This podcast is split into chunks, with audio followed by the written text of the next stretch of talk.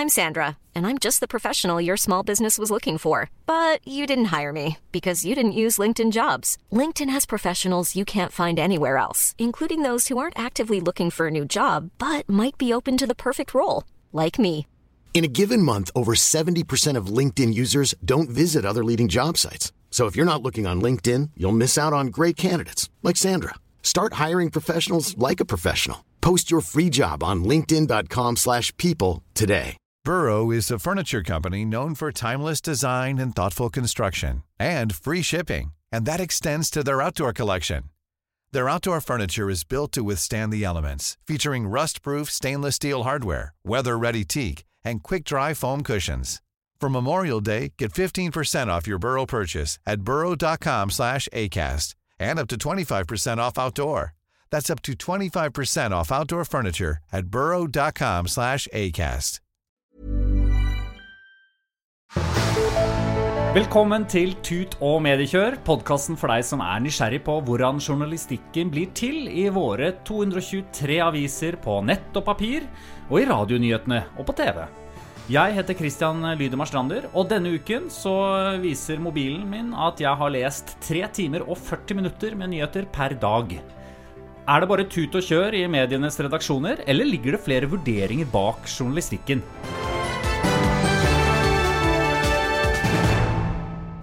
Og eh, med meg her i denne podkasten for å eh, snakke om dette, har jeg eh, Eva Sandum. Velkommen, Eva. Hei, Kristian. Du er kommunikasjonsrådgiver fortsatt. Ja, det er jeg. Ja. Og 14 år fortsatt i PFU. Ja, har ikke blitt noe lenger. Nei. Nei. Og bare sånn helt kort, PFU, hva er det igjen? Pressens faglige utvalg er pressens eget selvdømmeorgan. Det er der de selv passer på at de overholder de reglene de har bestemt seg for at de skal følge. Kjempebra. Eh, Svein Tore Bergestuen, velkommen til deg også. Hei, hei. Du er også kommunikasjonsrådgiver. Det er jeg. Journalist. Mhm. Forfatter. Ja. Hva er forfatter igjen? Nei da.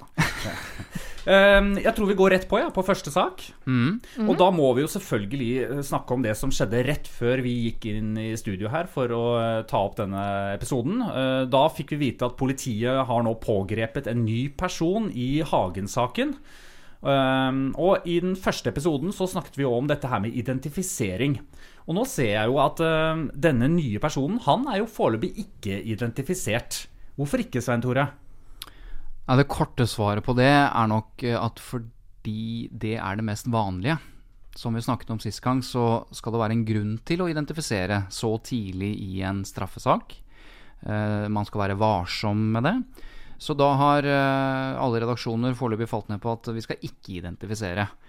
Men er nok, eh, det er nok såpass mye opplysninger om han, eh, både at han har drevet med IT, han kan kryptovaluta, han er hjemmehørende i samme område og er bekjent av Hagen. Og alder. Og alder, eller i, i 30-årene, eller hva det er. Sånn at det, her er vi i en situasjon som vi snakket om sist, at mange vet hvem det er, spesielt lokalmiljø, men pressen velger foreløpig å ikke identifisere, og det er det mest vanlige.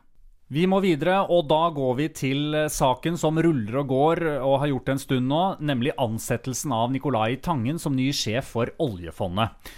Eh, og Kristin Clemet, leder for eh, Civita, hun skrev på bloggen sin eh, nå denne uken at hun er lei av journalister som rakker ned på de rike.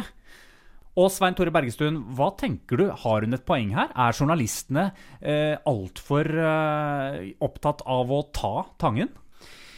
Ja, nå er det litt usikkert om de har vært så opptatt av å ta Tangen eller Norges Bank eller seminardeltakerne, men, men generelt sett så er det jo, det er jo pressens oppgave å sparke oppover, som det heter. Altså En del av pressens oppgave er å, å stille kritiske spørsmål til de som har makt, og de som har penger. For hvis du har penger, så har du også makt. Men- så jeg er ikke så jeg, jeg må si at jeg har ikke så veldig stor sympati med folk som har veldig mye penger og veldig mye makt. De må tåle det. Men eh, Eva, blir ikke det litt sånn hvilepute noen ganger å bare tenke seg at man hele tiden kan sparke og sparke bare man eh, sparker oppover?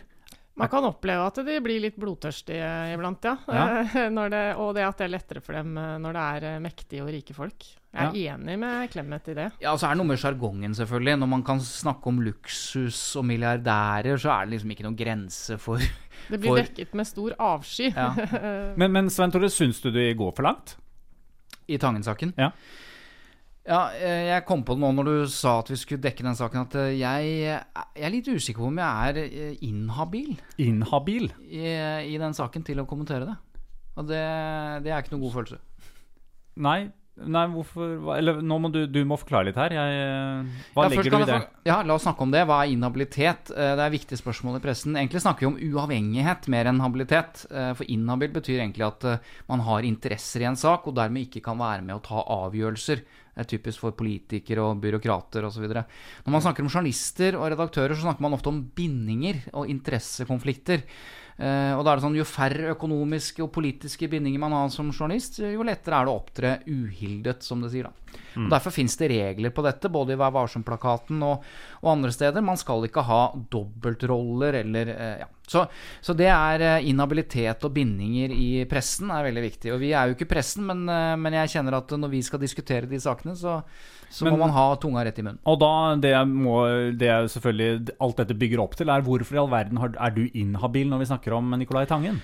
Jo, fordi eh, Tangen selskap, AKO Capital, de eh, vil kjøpe 1000 eksemplarer av den boka som jeg nå skriver, sammen med Asbjørn Rachlew og Geir Egge Løken, som er politifolk, eh, der vi skriver om politiets forskningsbaserte avhørsteknikk.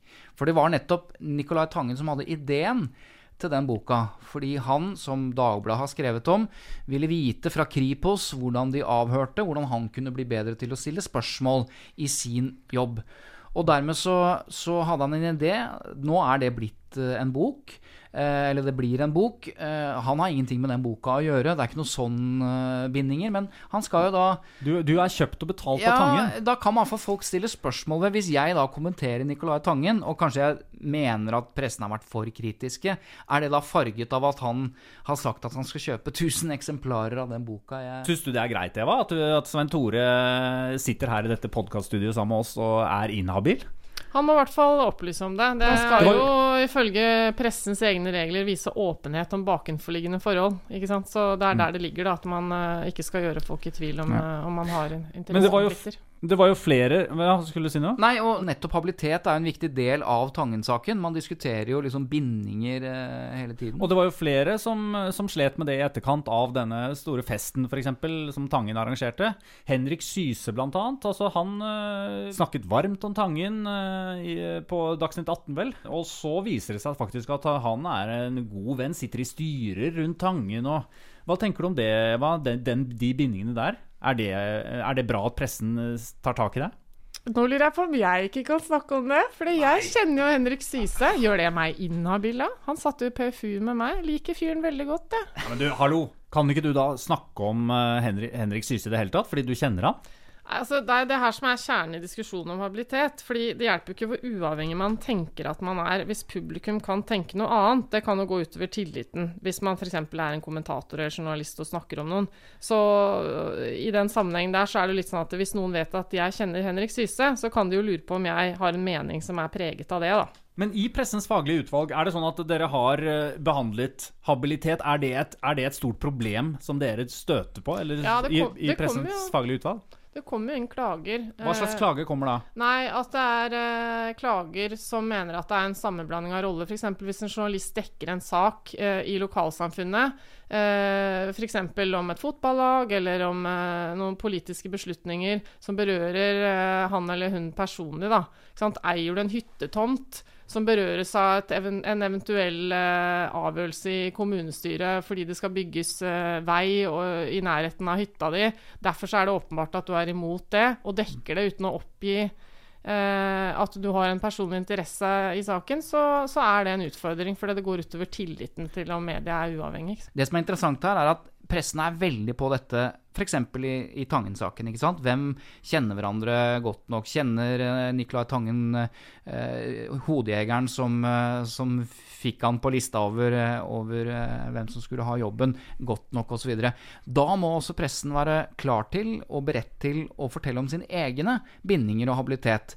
Det er ekstremt viktig, for hvis ikke så er det jo også en forskjell mellom liv og lære der. og Derfor så blir jo folk veldig nysgjerrig på hvor tette bånd er det mellom f.eks. journalister og politikere. Ja. Og her har vi jo en uh, sak som folk kanskje husker.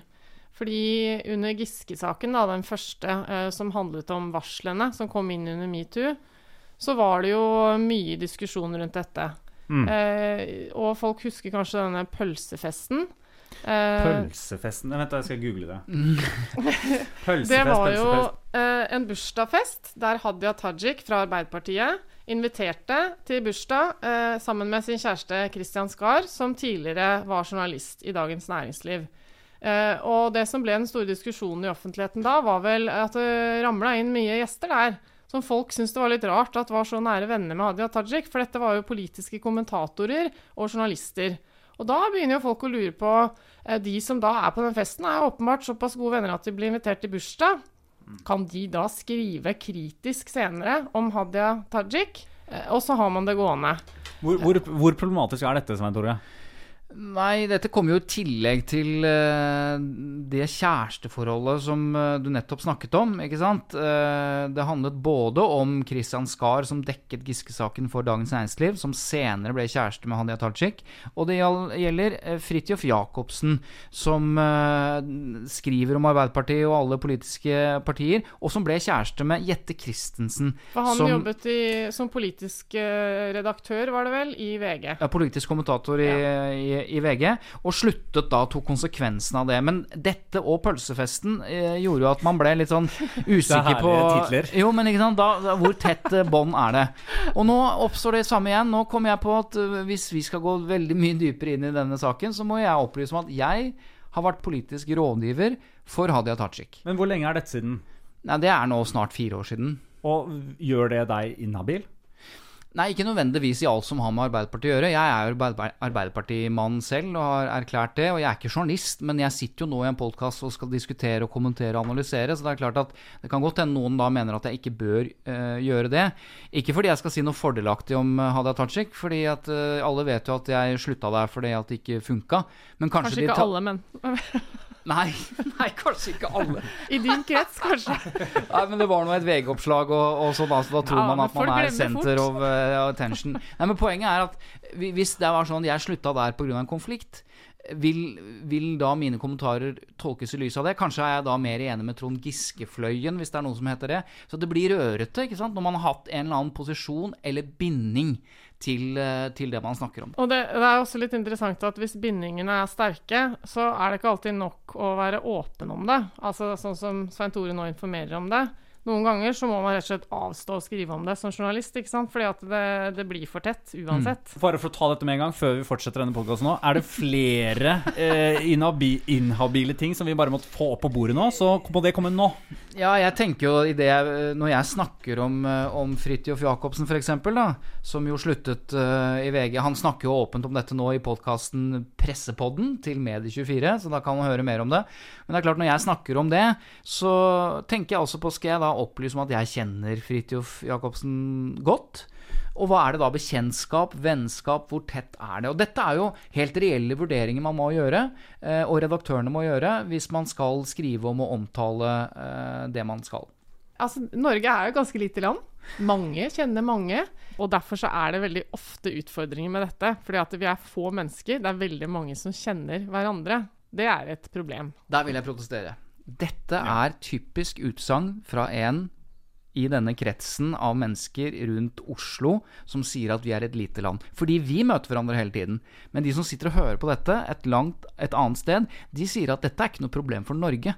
Dette er et problem for Oslo. Ja, riktig. Sentraliseringen, politikere, presse, elite, rikmannsfolk. Der sitter de og fester og holder på, mens vi andre, vi, vi Ja. har avstand. Både geografisk og på alle mulige måter. Og det er derfor man skal lese litt flere lokale medier. Fordi at de eh, sitter ikke i denne gryta. Det er mange som mener at politiske kommentatorer eh, utenfor Oslo er bedre, fordi de ikke sitter og drikker øl med politikerne mm. så ofte. Samtidig så er fellelser i PFU på habilitet og bindinger ganske mye verre i lokalavisene. Yep. Nettopp fordi at det er lokale små samfunn hvor redaktøren kjenner ordføreren og rådmannen osv. Så, videre. så alle har utfordringer, men eh, åpenhet rundt dette er vel det aller viktigste. Jeg må jo si at jeg blir mer og mer eh, sikker på at det der ideen om den nøytrale journalist som er helt uten bindinger Han eller hun finnes jo ikke. Nei, du vil alltid som journalist komme i en situasjon eh, der du vil få utfordringer, eller du vil som journalist selvfølgelig også mene noe. Du har verdier, og du har politiske standpunkter. Så det er ikke sånn at du per def er nøytral, men du må opptre nøytralt. Du må også skrive nøytralt. Du må fylle rollen din som journalist, og det er fortsatt mulig. Hvis ikke så hadde det ikke vært mulig å ha journalistikk. Men jeg er enig med deg til en viss grad at de som påstår at de nærmest ikke mener noen ting, og derfor er de journalister og omvendt, det er selvfølgelig tull. De mener noe, de har verdier, de blir sinte eh, eller glade av ulike ting. Men de må opptre objektivt, og det er, eh, det er forskjell på å være det og opptre objektivt. Det er jo litt interessant også at uh, polit eh, journalister skal ikke ha politiske bindinger. altså De skal ikke flagge et politisk syn, tilhøre et politisk parti. Men det er jo ikke nødvendigvis noe bedre at de faktisk har et politisk syn som de ikke informerer om, tenker Nei, jeg. ja, ikke sant? Og det der, den For derre at det kan jo være litt sånn uh, Ja, men samtidig Smartness. er det sånn alle som jobber med politikk, da, alle politiske journalister, de skal liksom hands up, fortelle hvem du stemmer på, for da kan vi vurdere kommentaren din ut fra det. Jeg tror det blir vel så forstyrrende, da. Ja da. Vi har jo gått vekk fra den såkalte partipressen. Da visste vi jo alle at alle som jobbet i Arbeiderbladet, som det het den gangen, tidligere, altså det som nå er Dagsavisen, det var arbeiderpressa. Det var, Ryddig, da. Ja, på en måte var det ryddig. At vi visste hva deres politiske standpunkt, i hvert fall på lederplass, var. Det betyr jo ikke at vi ikke kunne gjøre eh, kritisk journalistikk på Arbeiderpartiet, men vi visste hvor vi hadde dem. Noen, syns, eh, noen vil tilbake igjen til den tiden. Jeg tror ikke det er spesielt smart. Jeg tror på at selv om eh, journalister stemmer, de aller fleste stemmer Venstre, for da gjør de ikke noe gærent, eh, de kan være kritiske til, eh, til også det partiet, selvfølgelig, som de stemmer på. Så lenge de ikke er, har verv da, i det politiske partiet. Vi vil nok ikke tilbake til partipressen, men eh, alternativet kan jo være kommersiell presse, eh, som har andre bindinger. Og da kan vi jo kanskje begynne å nærme oss over det vi skal snakke om. eh. Ja, fordi nå skal jo Vi er kommet frem til ukas eh, refleksjon. Ja. Og det er jo eh, deg, Eva Sandum, eh, som skal eh, snakke om journalistikk og reklame. Og det, det er veldig Det gleder jeg meg til, fordi jeg opplever ofte å scrolle i mine tre timer og 40 minutter hver dag. Eh, og da får jeg på en måte veldig ofte bilde av saker, og så går jeg inn og klikker, og så viser det seg at det er annonser. Spesielt når du er på mobil og scroller, og tilfeldigvis stopper der hvor det som står over en sak, som er annonsørinnhold, f.eks. Mm. Eh, hvis det da har blitt eh, borte i scrollen, så ser det veldig likt ut som den øvrige avisa gjør. Samme font, bildebruken, så det ser ut som en sak. Eh, og utfordringen med det er jo at eh, det er reklame forkledd som journalistikk. Ja, jeg var inne og så, uh, inne og så uh, en, en sak, og det var jo rett og slett øh, kjoler med Pia Tjelta. Uh, hvor det så endelig Nå kommer 17. mai mot 17. mai-kjolen, den optimale. Så var det bilde av Pia Tjelta med en kjole. Nå vet jeg at hun lager kjoler. Så da, med mine, med mine sånn nyhetsøyne der, så, så kjente jeg jo med en gang at oi, her er det jo Pia Tjelta sin kjole som står på forsiden på VG, og så skal jeg klikke inn på den, og da er jo det, er jo det annons, Men det- men annonser. dette er fantastisk, for nå viser du jo nettopp i praksis at dette er litt vanskelig. Fordi det du snakker om nå, Ja. det er ikke reklame forkledd som journalistikk, som Eva snakket om. Det er motsatt. For det var ikke en annonse. Det var journalistikk laget av Min Mote i VG, men som kanskje virker som reklame. Så her har vi jo begge deler Ja. som er utfordrende. Ja, og her vil jeg kanskje Altså, det er et veldig godt eksempel, fordi jeg vil kanskje mene at det er reklame, men ikke formelt sett. For Fordi ja. det er så rørete, akkurat det der, da. Eh, fordi at når du da klikker deg inn på den saken, for du sendte den til meg, Mm. sjekka jeg opp. Eh, så, så står det min mote øverst, men så er det en sånn liten greie som du kan øh, åpne ned øh, eh, Inneholder annonser. Og hvis du leser teksten, så sier den da at eh, disse produktene er valgt ut av journalister eh, som er helt uavhengige. Men eh, i denne artikkelen så vil du finne noen eh, av antrekkene er markert med annonse, og hvis du da klikker på de, Så, så kan du kjøpe dem eh, direkte lenket dit, og da får VG kickback. Det betyr at eh, Hva, ja. det betyr at eh, VG får en liten del av salgssummen. Altså, så det vil jo si at de eh, Dette er en sak hjelper laget med salget. Ja, og så dette, er dette en sak laget pga. det? Eller er det laget pga. at de skal vise kjoler? Nei, Det er jo spørsmålet, da. VG sier at dette er journalistisk forankret og begrunnet. Altså nå lurer folk på hva de skal ha på seg 17. mai, så vi lager en forbrukersak om det. Men det er klart, nettopp din eh, reaksjon på det viser jo at det er litt utydelig. Og når det er utydelig, så velger VG da, i denne saken og de andre sakene som er lignende, å skrive helt i bånn hva dette er. Altså De må forklare at her er det dette er en journalistisk sak som er valgt ut på vanlige eh, premisser, men det er annonser i saken knyttet til tematikken, og da får vi penger for det, men det er skille mellom journalistikk og kommersiell virksomhet. Det høres så teknisk ut. Ja, denne uka her så var det f.eks. en sak jeg fant på VG, hvor uh, en bilprodusent, viste det seg da, uh, vil fortelle oss om de fem uh, landets fem vakreste bilruter. Og dette var rett over en sak hvor eh, politikerne sier at nå skal vi gjenåpne Norge og sånn. ikke sant? Så dette er relevant. Mange som ser for seg en biltur i sommer. Eh, og så viser jo det seg at det er en annonse for et bilmerke, og når du klikker inn på den, så er den også satt opp veldig sånn fint, sånn som eh, VGs redaksjon lager en del gode nyhetssaker for tiden. ikke sant? Det er veldig sånn filmatisk. Du scroller nedover, og så kommer det noen overskrifter, og så kommer det bilde, og det blir veldig sånn fin nyhetsopplevelse. Og det samme grepet var da brukt i denne annonsen fra det bilmerket. Eh, og spørsmålet er jo OK, den var merket. Det sto at det var annonsørinnhold. Men eh, det er ikke sikkert at du fikk det med deg når du klikket. Så kommer du inn, og så oppdager du at det, at det er Å ja, dette var reklame og sånn. Problemet her er vel at eh, folk blir litt skuffa hvis de føler seg lurt. Men faktisk, den leste jeg. Og, Ja. den, eh, den, eh, og det jeg egentlig satt igjen der med, var jo at um, det var ganske bra reisetips. Altså, fordi hvis det er bra innhold, Ja. så gjør det noe da, egentlig? Ja, det er jo det som er uh, det Ja, store selvfølgelig gjør det det. Og det er jo det som er hele problemet, at du engang stiller det spørsmålet. At, Ja. Jo, at men du det tenker, gjør «Er- jo folk. Unnskyld, Svein Tore. Nei, men det er, dette er det du skal spørre om. Selvfølgelig spiller det noen rolle om det er Volvo som har lagd saken, eller om det er VG. Det er ekstremt viktig. Ikke fordi det ser så annerledes ut. Nettopp at det er ganske likt, er jo Ja. viktig å vite. Det var ikke Volvo, da, bare er sånn det- sagt. Nei, nei, men er dette en, en eh, reportasje som er lagd av uavhengige journalister som kan eh, sette opp eh, ulike produkter og ulike ting mot hverandre og gjøre en vurdering av det, journalistisk vurdering, eller er det bare reklame? Det er jo ekstremt viktig. Men jeg irriterer meg også veldig over dette. eh, og hvis man ser på VG, som Eva sier, så er altså, Det ligner veldig. Og så skal man gå inn og se hva er hva. Og Nettavisen f.eks., de, de merker dette på mange forskjellige måter.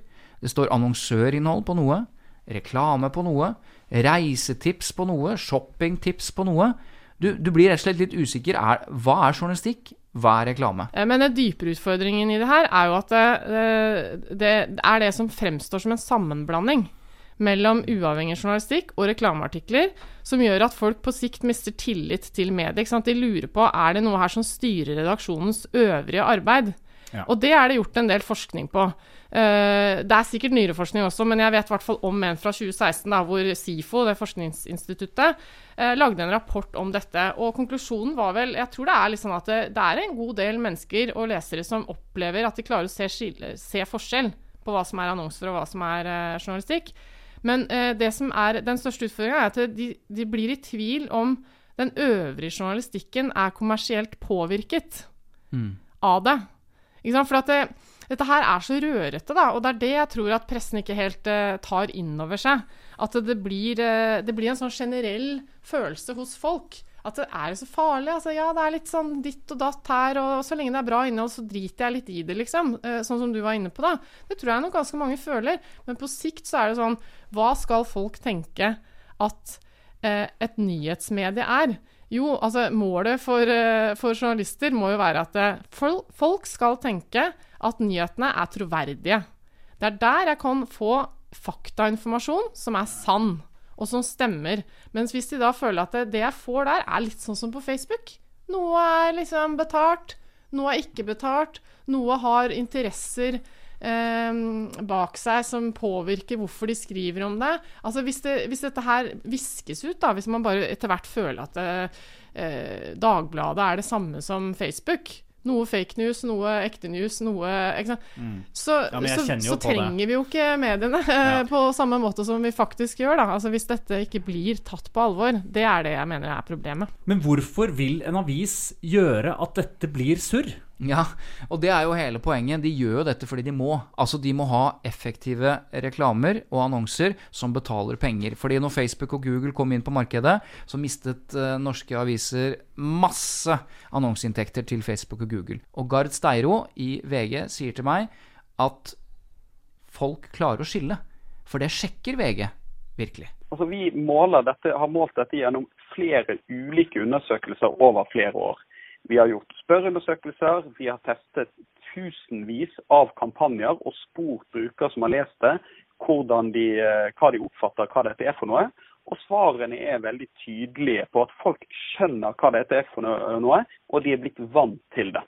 Sånn at dette, når dette ligner hele poenget med denne type markedsføring, at det skal være en integrert del av opplevelsen på Dagbladet, på VG, på Dagens Næringsliv sine sider. Det er litt av poenget med det. Dette var altså ansvarlig redaktør i VG, Gard Steiro. Det er jo fortsatt problemer med å se forskjell. Så det er, jeg skjønner ikke helt eh, at han er så tydelig på at det, alle ser forskjell her. Ja, fordi, jeg de kjenner har, meg ikke igjen i det. for, fordi han sier at vi sjekker det. Altså de, eh, Underforstått, vi er opptatt av tilliten, vi er opptatt av troverdighet og legitimitet. Derfor må vi sørge for at dette litt sånn uklare skillet er klart for folk. Så sier han vi sjekker det.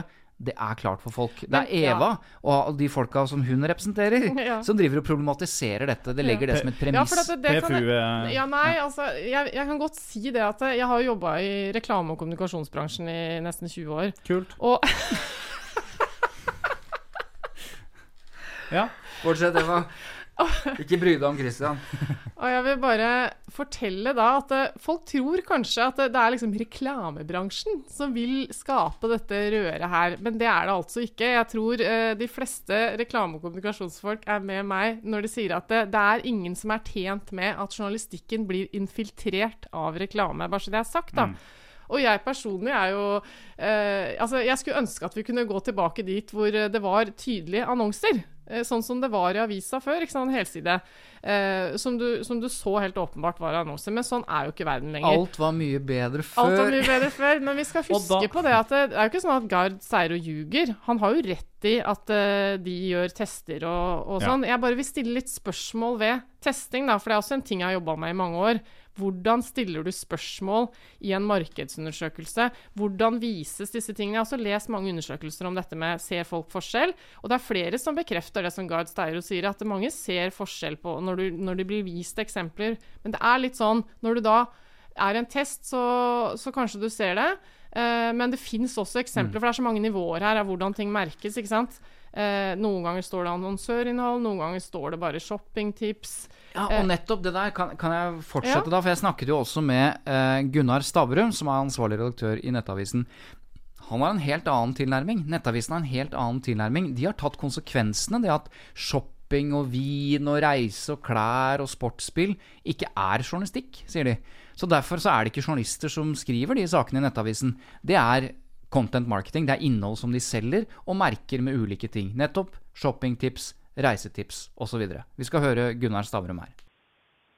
Altså, vi, vi gjorde en tidlig vurdering, og det var at en del et, en del redaksjonelt innhold utga seg for å være journalistikk, men var egentlig reklame. Det mest typiske eksempelet er jo reisestoffet i aviser, som egentlig tjener kun én hensikt, og det er å få annonsører til å annonsere der du skriver om hvor fint det er å dra til det ene eller andre stedet. Det er jo aldri noe reell kritisk journalistikk der. Så vi, og vi presenterte det eh, deretter.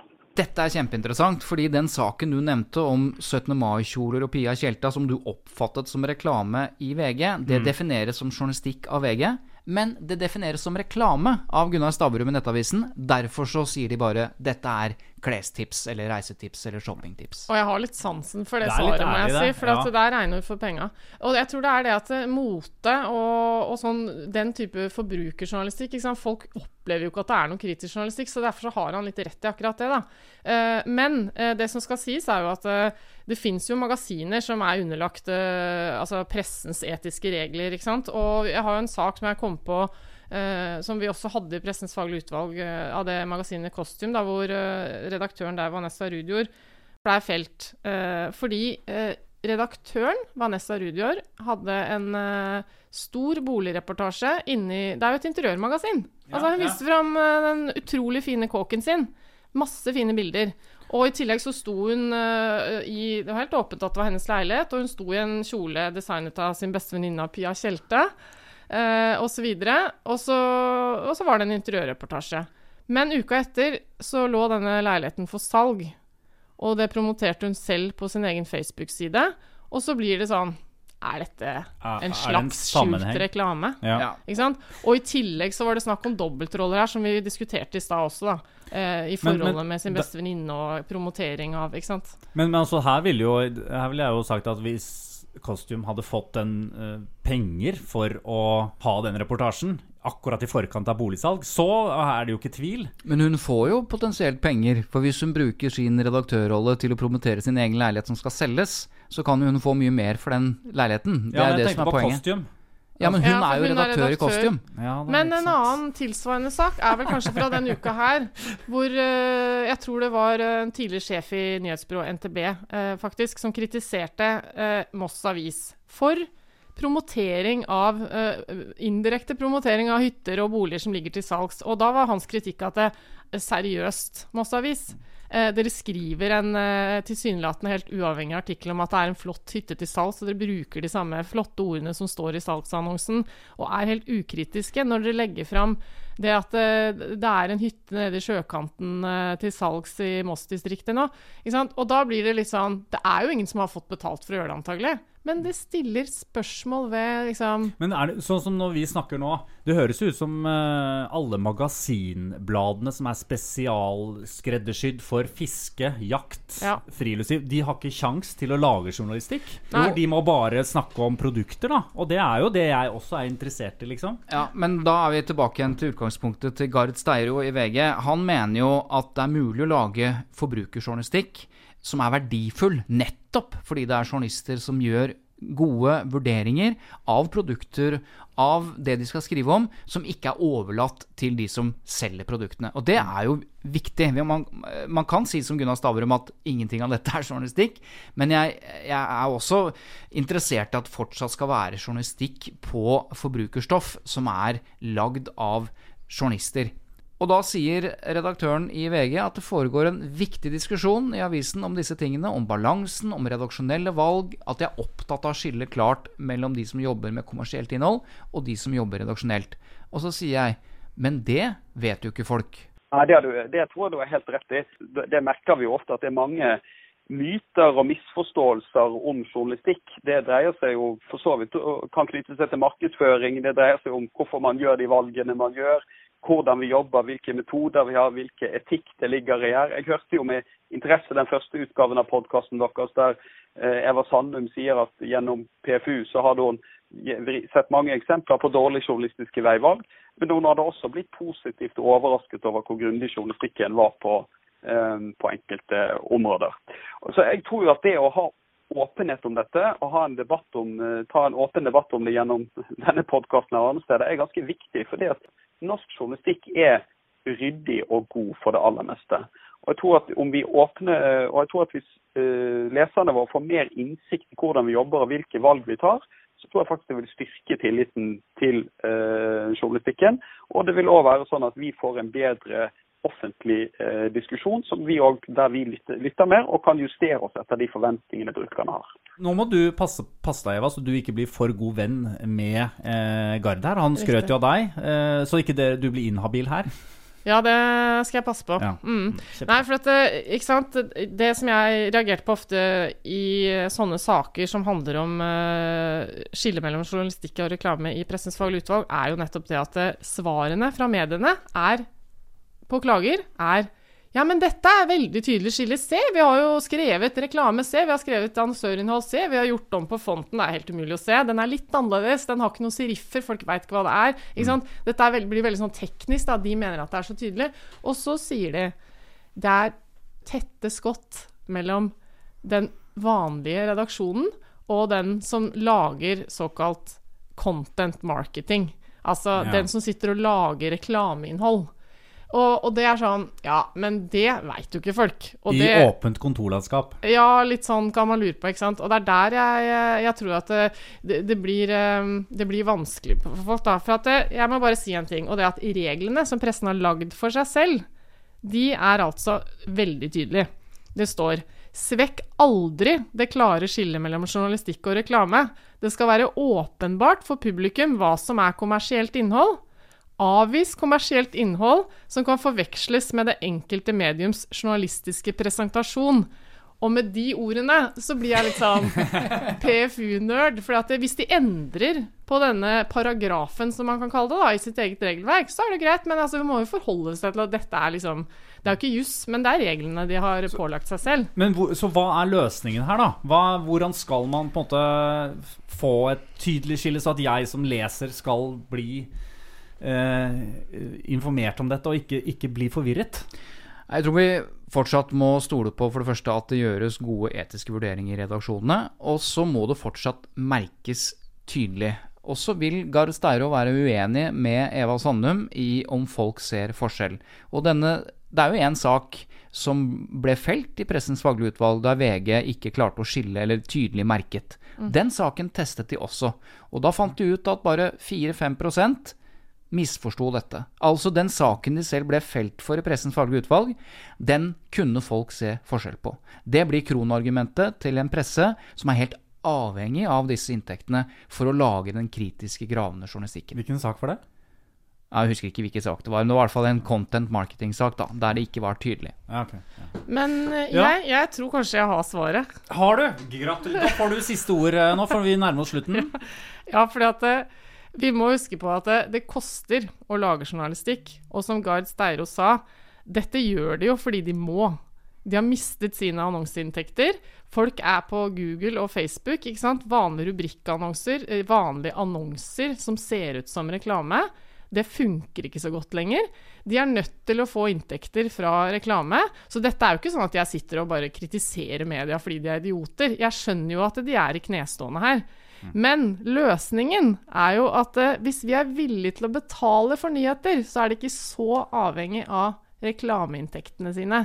Så jeg tror man kommer ikke unna det at eh, så lenge internett har gjort nyheter gratis for folk, så er det reklamen som, eh, som finansierer det i altfor stor grad.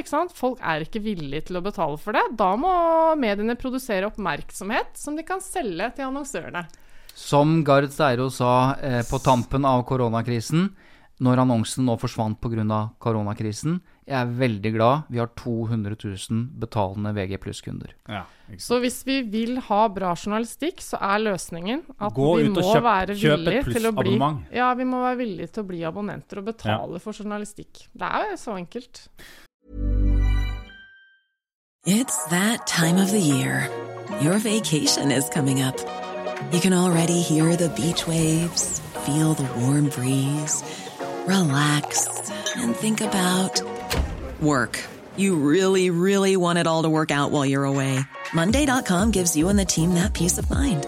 When all work is on one platform and everyone's in sync, things just flow wherever you are. Tap the banner to go to Monday.com. Hiring for your small business? If you're not looking for professionals on LinkedIn, you're looking in the wrong place. That's like looking for your car keys in a fish tank. LinkedIn helps you hire professionals you can't find anywhere else, even those who aren't actively searching for a new job but might be open to the perfect role. In a given month, over 70% of LinkedIn users don't even visit other leading job sites. So start looking in the right place. With LinkedIn, you can hire professionals like a professional. Post your free job on linkedin.com/people slash people today. Det ble siste ord i uh, denne episoden. Uh, husk å abonnere, lik Facebook-siden vår. Tut og mediekjør heter den. Uh, og der kommer vi til å legge ut linker til noen av dagens saker som vi har omtalt. Ja. Og så tusen takk for at du hører på denne episoden. Det er jo vi veldig glad for. Og abonner gjerne på podkasten vår. Eh, og del den videre til folk som du er glad i. Eh, Og vil du bli annonsør, så kan vi da garantere at du aldri vil bli kritisert. Er det sånn? Ja. ja. Tut, uh, det det bli annonsør. Bli annonsør i Tut og mediekjør. Få veldig hyggelig omtale. Ehm, til neste lørdag, hvem eh, skal ha refleksjon? Det er deg. Din tur, Svein Tore. Da er det vel min tur. Da skal jeg snakke litt om hvordan mediene peker ut de forskjellige rollene i historiene de forteller. Altså i sakene. Hvem er skurken? Hvem er offeret? Hvem er utfordreren? Hvem er eksperten? Og hvem er helten? Og ikke minst, hvordan farger det vår opplevelse av den saken vi leser? Det blir gøy. For Veldig det bra. her kjenner jeg igjen fra spillefilm, det har jeg lært Ja. om. Og fra kommunikasjonsbransjen, hey, som bruker de samme Tusen takk, eh, Eva Sandum, eh, for at du er med. Og takk, Svein Tore Bergestuen. Tut og Mediekjør er laget av Lyder Produksjoner, som jo er mitt produksjonsselskap. Blir jeg da litt inhabil, kanskje? Nei, da, Nei, det er det ikke. Da nei, nei, nei. det er en faktaopplysning. Ja, greit. Faktaopplysning. Og det er også det at jeg heter Christian Lider Marstrander.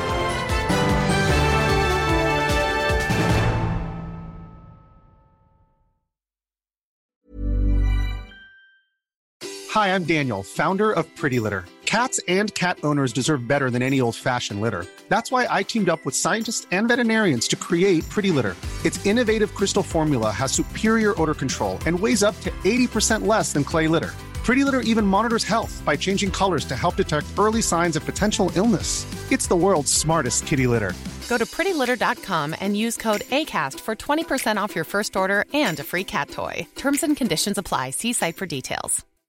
When you make decisions for your company, you look for the no brainers. And if you have a lot of mailing to do, stamps.com is the ultimate no brainer. It streamlines your processes to make your business more efficient, which makes you less busy. Mail checks, invoices, legal documents, and everything you need to keep your business running with stamps.com. Seamlessly connect with every major marketplace and shopping cart. Schedule package pickups and see your cheapest and fastest shipping options from different carriers with rates up to 89% off USPS and UPS rates. And with the Stamps.com mobile app, you can take care of mailing and shipping wherever you are. Make the same no-brainer decision as over 1 million other businesses with Stamps.com. Sign up with Code PROGRAM for a four-week trial, plus free postage and a free digital scale. No long-term commitments or contracts. That's Stamps.com. Code PROGRAM.